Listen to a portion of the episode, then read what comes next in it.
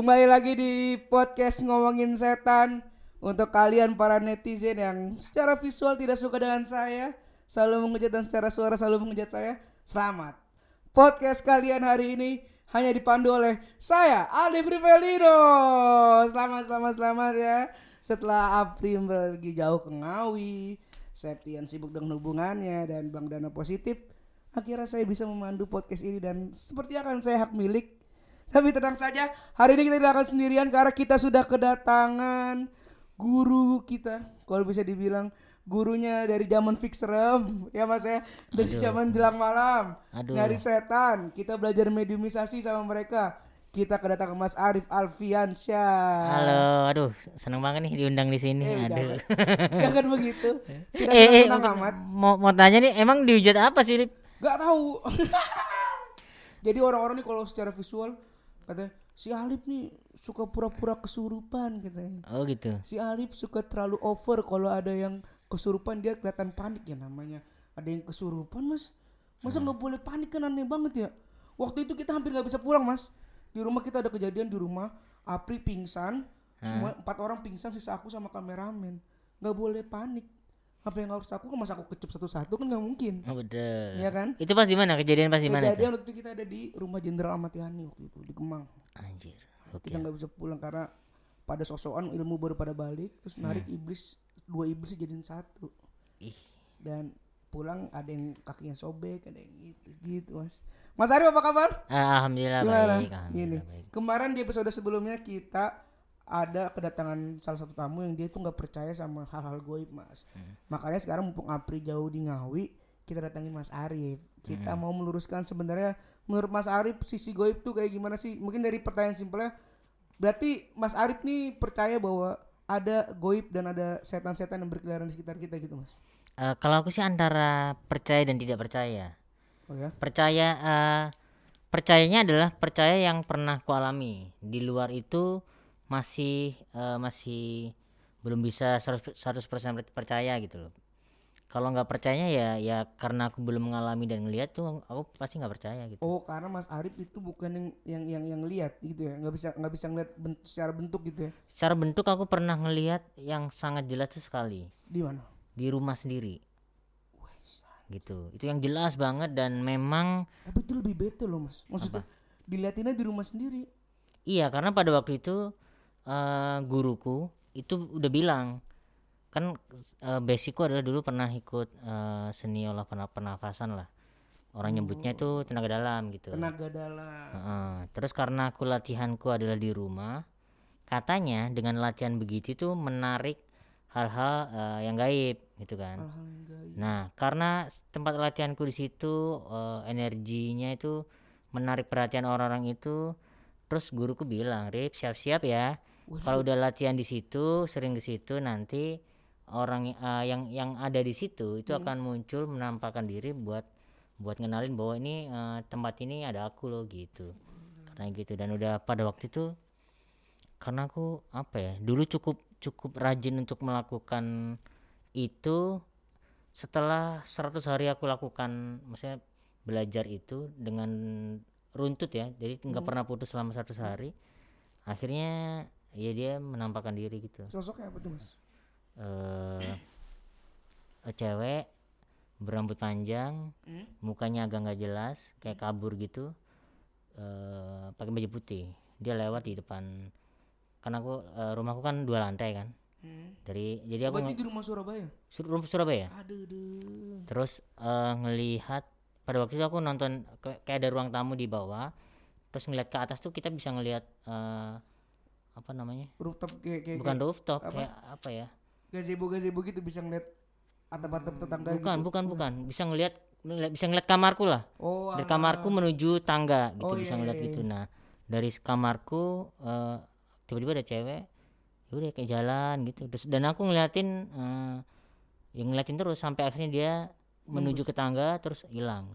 Selang beberapa detik baru aku tanya eh apa ya itu ya? gitu Jadi pakai baju putih, Hmm. tapi nggak kerudungan mas ya? enggak enggak enggak Nggak, takutnya Bu Risma lagi beli sultan. nah Ada. mungkin karena itu bukan bulan puasa kalau bulan puasa kayaknya dia akan kerudungan betul Bagi-bagi takjil. ya kan? Mm-mm. Tapi kan Mas Arif nih kita dengar-dengar juga sering sharing-sharing eh, masuk ke beberapa perguruan maksudnya kalau mungkin kayak Apri itu kan Bang Apri itu bisa kayak sekarang eh, karena dia ada gift gitu kan Iya. ada dari keturunan kalau Mas Arif memangkah awalnya ada gift atau memang ya itu belajar tentang pengen belajar tenaga dalam akhirnya bisa muter-muter-muter ke mana baru bisa kayak sekarang tuh awalnya itu gara-gara yaitu aku ikut SMA itu ikut eh, seni olah pernafasan itu sampai setelah sekolah itu sekolah setelah SMA itu aku masih ikut tuh. Masih ikut? Dua atau tiga tahun setelahnya. Mm-mm. karena kan ada kenaikan tingkat kenaikan Oh, tingkat iya, terus iya, kenaikan tingkatnya eh, bayar kan lumayan gede Hmm. gitu. Terus pada waktu itu seniorku nih Ya. seniorku ini cukup bandel untuk bukan bandel sih dia tuh karena di di tempatku eh, belajar tenaga dalam itu ada motonya M- motonya adalah manlam manlam yaklim manlam yaklam. Itu itu bahasa Arab bahasa Arab. Barang siapa belum mencoba maka ti- dia tidak, tidak akan tahu gitu kan. Nah di tempatku itu ada larangan-larangan. Ada namanya AB ada namanya eh, banyak lah gitu. Kalau kalau kalian pengen tahu ya yang yang ku ikutin adalah dulu namanya Ter- Teratai Tunjung. Teratai tunjuk Teratai Tunjung. Itu di websitenya kayaknya ada deh. Daerah tapi daerah oh aku Malang. tahu ya Mas Arif kalau bayar berapa bisa dapat kodam gitu masih bukan ya? Bukan bukan. Beda itu, lagi? itu beda lagi. Oh iya Nah, itu yang basic awalnya adalah dari situ. Teratai itu Tunjung. kalau yang lagi yang yang paling ramai itu katanya itu adalah turunan dari Margaluyu ntar kalau teman-teman eh, apa namanya apa tertarik untuk nge-search di ini itu yang lebih terkenal adalah Margaluyu. Jadi guru besarku tuh dulu katanya Margaluyu juga terus dia buka Margaluyu lagi. itu apa? Daerah apa? Margaluyu itu adalah perguruan. Oh perguruan, perguruan juga, juga. gitu. Yang lebih tua lah gitu daripada Hmm, akhirnya dari dari teratai tunjung itu? Mm-mm. terus akhirnya seniorku kan bandel kan A- apa pun yang dilarang Hmm. di tempatku dilanggar sama dia.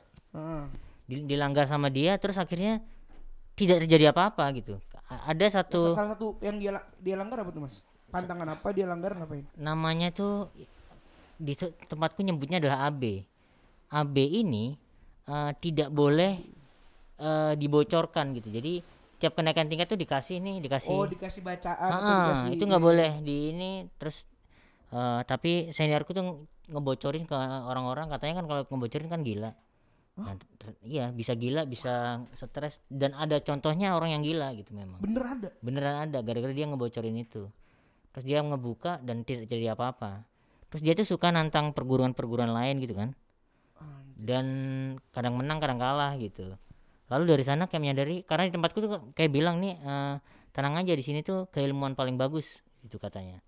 Terus seniorku nggak percaya kan ini paling bagus em- emang emang ada yang paling bagus gitu di luar sana kan banyak. Dia nantang nantangin ternyata tidak menemukan kepuasan. Dia pernah ketemu orang karomah orang oh, banyak semuanya. Ditantang semua ditantang semuanya. Emang ke, ke- maksudnya ilmu yang dia pegang bisa apa gitu? Maksudnya kayak kebal kah? Atau apa kah? Aduh kebal dia pernah ya pernah juga pernah dapat gini kejadian kenapa dia seniorku ini menurutku sangar banget. Dia pernah eh, kan di tempatku tuh ada dasar satu dasar dua dasar tiga warga satu sampai akhirnya sampai warga sembilan. Oh ya. urutannya gitu. Nah dia pernah lompat dari warga dua ke warga tujuh. Gara-garanya Eh, gara-garanya dia nantang perguruan apa tiga orang suruh nyerang dia gitu. Terus dan dia kalah terus dia yang ingat adalah dia percaya bahwa ada satu gerakan yang dia yang kayaknya dia harus ngeluarin itu. Jadi pada waktu ngeluarin itu tiga orang eh, pada waktu namanya tuh aku gerakannya lupa sih. Eh, pa- pa- pada waktu dia melakukan itu tiba-tiba ada petir katanya ya ini katanya aku nggak pernah ngeliat langsung. Tapi Katanya. eh kayaknya bener gitu. Jadi pada waktu melakukan kan dia diserang tiga orang. Dia kalah akhirnya dia eh, kepepet ngeluarin itu. Ada tiba-tiba ada ini nggak ada hujan nggak ada apa ada petir itu jedar gitu. Dan semua orang yang tiga orang ini kelempar. Udah terus habis itu udah beres Eh, apa namanya adu-aduanya udah beres mereka mengakui oh gokil nih bisa sampai begitu. Tepat beberapa jam di saat itu Hmm. guru bers- guru besarnya nelpon guru yang di Surabaya gitu. Eh tolong dong ini ada anak yang lagi ke- ada eh, energinya sampai ke sini nih gitu. To- to- tolong eh, ini panggil ke pusat Malang dia harus naik tingkat sampai ke warga 7 jadi dia naik 5 step langsung. Aduh. Gara-gara itu kayak kayak sampai di Malang tuh berasa gitu eh ini suruh ke Malang karena dia wadahnya udah nggak mampu nampung yang di- sekarang di gitu levelnya dia gitu ya. Mm. dan maksudnya orang-orang di aku nggak tahu sih kalau kita yang biasa ekspedisi kita cerita Hmm. kejadian yang kita alamin ketika ekspedisi pasti orang-orang tuh kayak masa iya sih masa iya sih nah Iya. Kok tipeku juga kayak gitu, Lip. oh Mas Arif berarti yang rada sedikit-sedikit ske- skeptis lah Eh, kalau aku belum tahu dan ngalamin kayaknya eh masa iya sih gitu. Makanya aku sama seniorku ini juga kejadian itu. Kayaknya antara iya dan enggak gitu. Tapi, memang ke- titik dia baliknya? titik baliknya adalah karena karena aku dekat sama senior ini. Terus ternyata senior ini karena merasa bahwa keilmuannya kurang dia belajar semuanya. Belajar karoma belajar apa. Dia keper menclok-menclok ke perguruan orang. Katanya kan kalau satu orang megang banyak ilmu gila juga Gila, kan? iya. nah kayaknya dia juga gila sih kayaknya.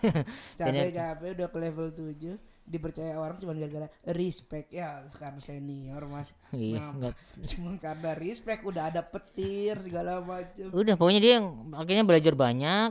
Nah belajar banyaknya itu diajarkan ke aku untuk jadi kelinci percobaan gitu. Ah, apa apakah bisa nggak sih aku eh, Iya, iya. buat belajar itu? Ternyata beberapa bisa bisa bisa dan jadinya karena kan dia levelnya gede kan terus dia merasa bahwa ini keilmuan ini kayaknya tidak sebagus itu gitu. Jadi aku ditantangin sama seniorku yang levelnya jauh di atasku gitu. Rip berani nggak lawan dia gitu? Eh, nggak berani secara level ini ntar eh, apa namanya istilahnya tuh dalamanku bisa hancur kalau ya pak- efek kayak- terparahnya ya. hancur. Kayak penempatan apa ya penempatan penempatan badanku katanya kan tiap kenaikan tingkat kan ditempatin ada gitu tuh. Ada ya pokoknya gitulah titik-titik titik diisi lah Ah. titik-titik yang ada di badan itu gitu. Istilahnya kayak mungkin ya bahasanya itu nempatin kayak kuk- apa kundalininya atau ada kan ada titik ada, ada yang tujuh ada lima tiga gitu gitunya lah. Biar nggak hancur terus akhirnya sama dia ditantangin terus nggak apa-apa Rip, ntar kalau nggak ada ada apa-apa ntar ku jamin. Ternyata nggak ter- nggak terjadi apa-apa. Akhirnya Mas Arif lawan-lawan yang bener? Lawan. Terus akhirnya seminggu dicek nggak ada apa-apa. Ka- katanya harusnya dengan dengan yang dilakukan sama seniorku itu yang nantang yang ku, ku tantangin Hmm. harusnya aku muntah darah gitu, ternyata nggak ada. Terus akhirnya aku ngikut seniorku nyoba. Jadi aku belajar eh, karomah yang di- kayak jadi, macan gitu gitu Hmm. itu dari dia terus belajar yang mediumisasi Mediumisasi yang eh, tarik tangan dua ke atas Nah, itu itu dari eh, gurunya dia adalah dari Jombang. Kalau nggak salah namanya adalah search juga eh, Yayasan Marifat Bila. Itu dapatnya dia belajar dari situ, diajarin ke anak-anak, belajar di mana, diajarin ke anak-anak gitu-gitu. Akhirnya nyoba banyak hal. ilmuwan maksudnya ketika narik ilmu dari satu yayasan kita share ke yang lain itu sah-sah aja gitu mas Nah, seniorku bilang, "Rip, ini jangan eh, kasih tahu siapa-siapa ya. Ntar kalau nggak tahu eh, bisa bahaya." Nah, karena aku juga mungkin ngikut bandelnya seniorku, ya aku kuajarin ke temanku lah. Gitu kayak ini bisa nggak? Ntar aku bilang ke temanku ini jangan diajarin siapa-siapa kalau yang belum ahli gitu. Aku pesanku juga gitu. jangan dikasih tahu siapa-siapa dinaikin ke YouTube dua kali emang he halo nih goblok emang Gitu gak mau nurut banget lu pada jadi gila lu bentar lagi lu Apri Gitu. Apri tapi selain Mas Arif bisa tenaga dalam kita juga mungkin sekarang sama-sama tahu Mas Arif lagi bergerut di bidang tarot Mas ya Eh, ya betul. tarot dan akupuntur kemarin kita datang ini Mas Bang Budi Debuca Oke, Budi tarot Debuca ya. dia baca tarot juga nah kita sempat ada pertanyaan soal apakah tarot dan mistis juga klinik itu ada ikatannya nah menurut Mas Arif gimana Kan memang kalau tarot reader itu ada ada dua tipe kan, ada yang psikologi sama klinik gitu. hmm. cuman nggak tahu ya aku yang sekarang tuh aku merasa bahwa eh, kurang setuju aja kayak orang Arif nih orangnya klinik banget aku kurang setuju. Hmm. karena aku kuliah aku puntur. Oh ya nah aku puntur itu kayak mungkin orang bilangnya tradisional kan klinik mungkin ya ada sedikit klinik. Tapi di aku puntur aku diajari adalah ada namanya mata kuliah eh, biofisika ada namanya eh ana apa anatomi fisiologi aku puntur jadi itu ngebahas energi tuh gimana sih bekerja di di di tempat kita gitu. Di di aku puntur di, di, di tubuh tuh gimana sih gimana sih aku puntur tuh bisa logis. Nah di sana tuh eh, belajar tentang energi. Pada waktu ketemu tarot itu kayak nyambung kayak energi tuh ada. Contoh ya contoh energi ada eh di rumah. Di rumah punya tempat yang jarang dikunjungin nggak? Ada pasti. Gudang pasti kan? Udang Nah, kita eh, lihat aja di gudang itu bangunannya bangunan atau catnya atau suasananya itu pasti nggak enak Iya, iya. atau jelek bangunannya pasti Yang- lebih iya, iya, iya. lebih ngelupas-ngelupas gitu kan. iya. Nah, kenapa bisa terjadi seperti itu? Karena eh kita tuh berhubungan sama bumi gitu kan. Hmm. Bumi itu hidup secara energinya, secara cinya. Jadi ada ci- ada energi di bumi itu. Iya, iya, iya. Kita melakukan langkah kaki itu kita menggesekkan kelistrikan. Pada waktu kita nggak pernah ke gudang, kelistrikan di sana itu akan kurang. Makanya bangunannya akan retak atau apa karena kita tidak memberikan kehidupan di situ gitu. Jadi sekarang yang Mas Arif lakukan dengan tarotnya adalah gunain si kelistrikan itu di kartu tarot apa gimana? Nah, aku ngegunain dua. Kalau kata orang sih mistis tapi aku enggak. Yang pertama adalah psikologi. Nah, aku karena buku bacaanku juga psikologi kan. Jadi aku eh, nyambungin bahwa ya udah tarot itu sebenarnya bukan ramalan, bukan apa, tapi kemampuan untuk eh kayak ngajak bicara lawan kita gitu. Dengan eh kelistrikan dan energinya adalah pada waktu kita kayak ngebungkus tempat itu bahwa ini adalah tempat kita buat ngobrol gitu. Jadi kalau di luar itu atau ada, ada gangguan banyak orang atau tempat ramai itu akan membuat capek gitu.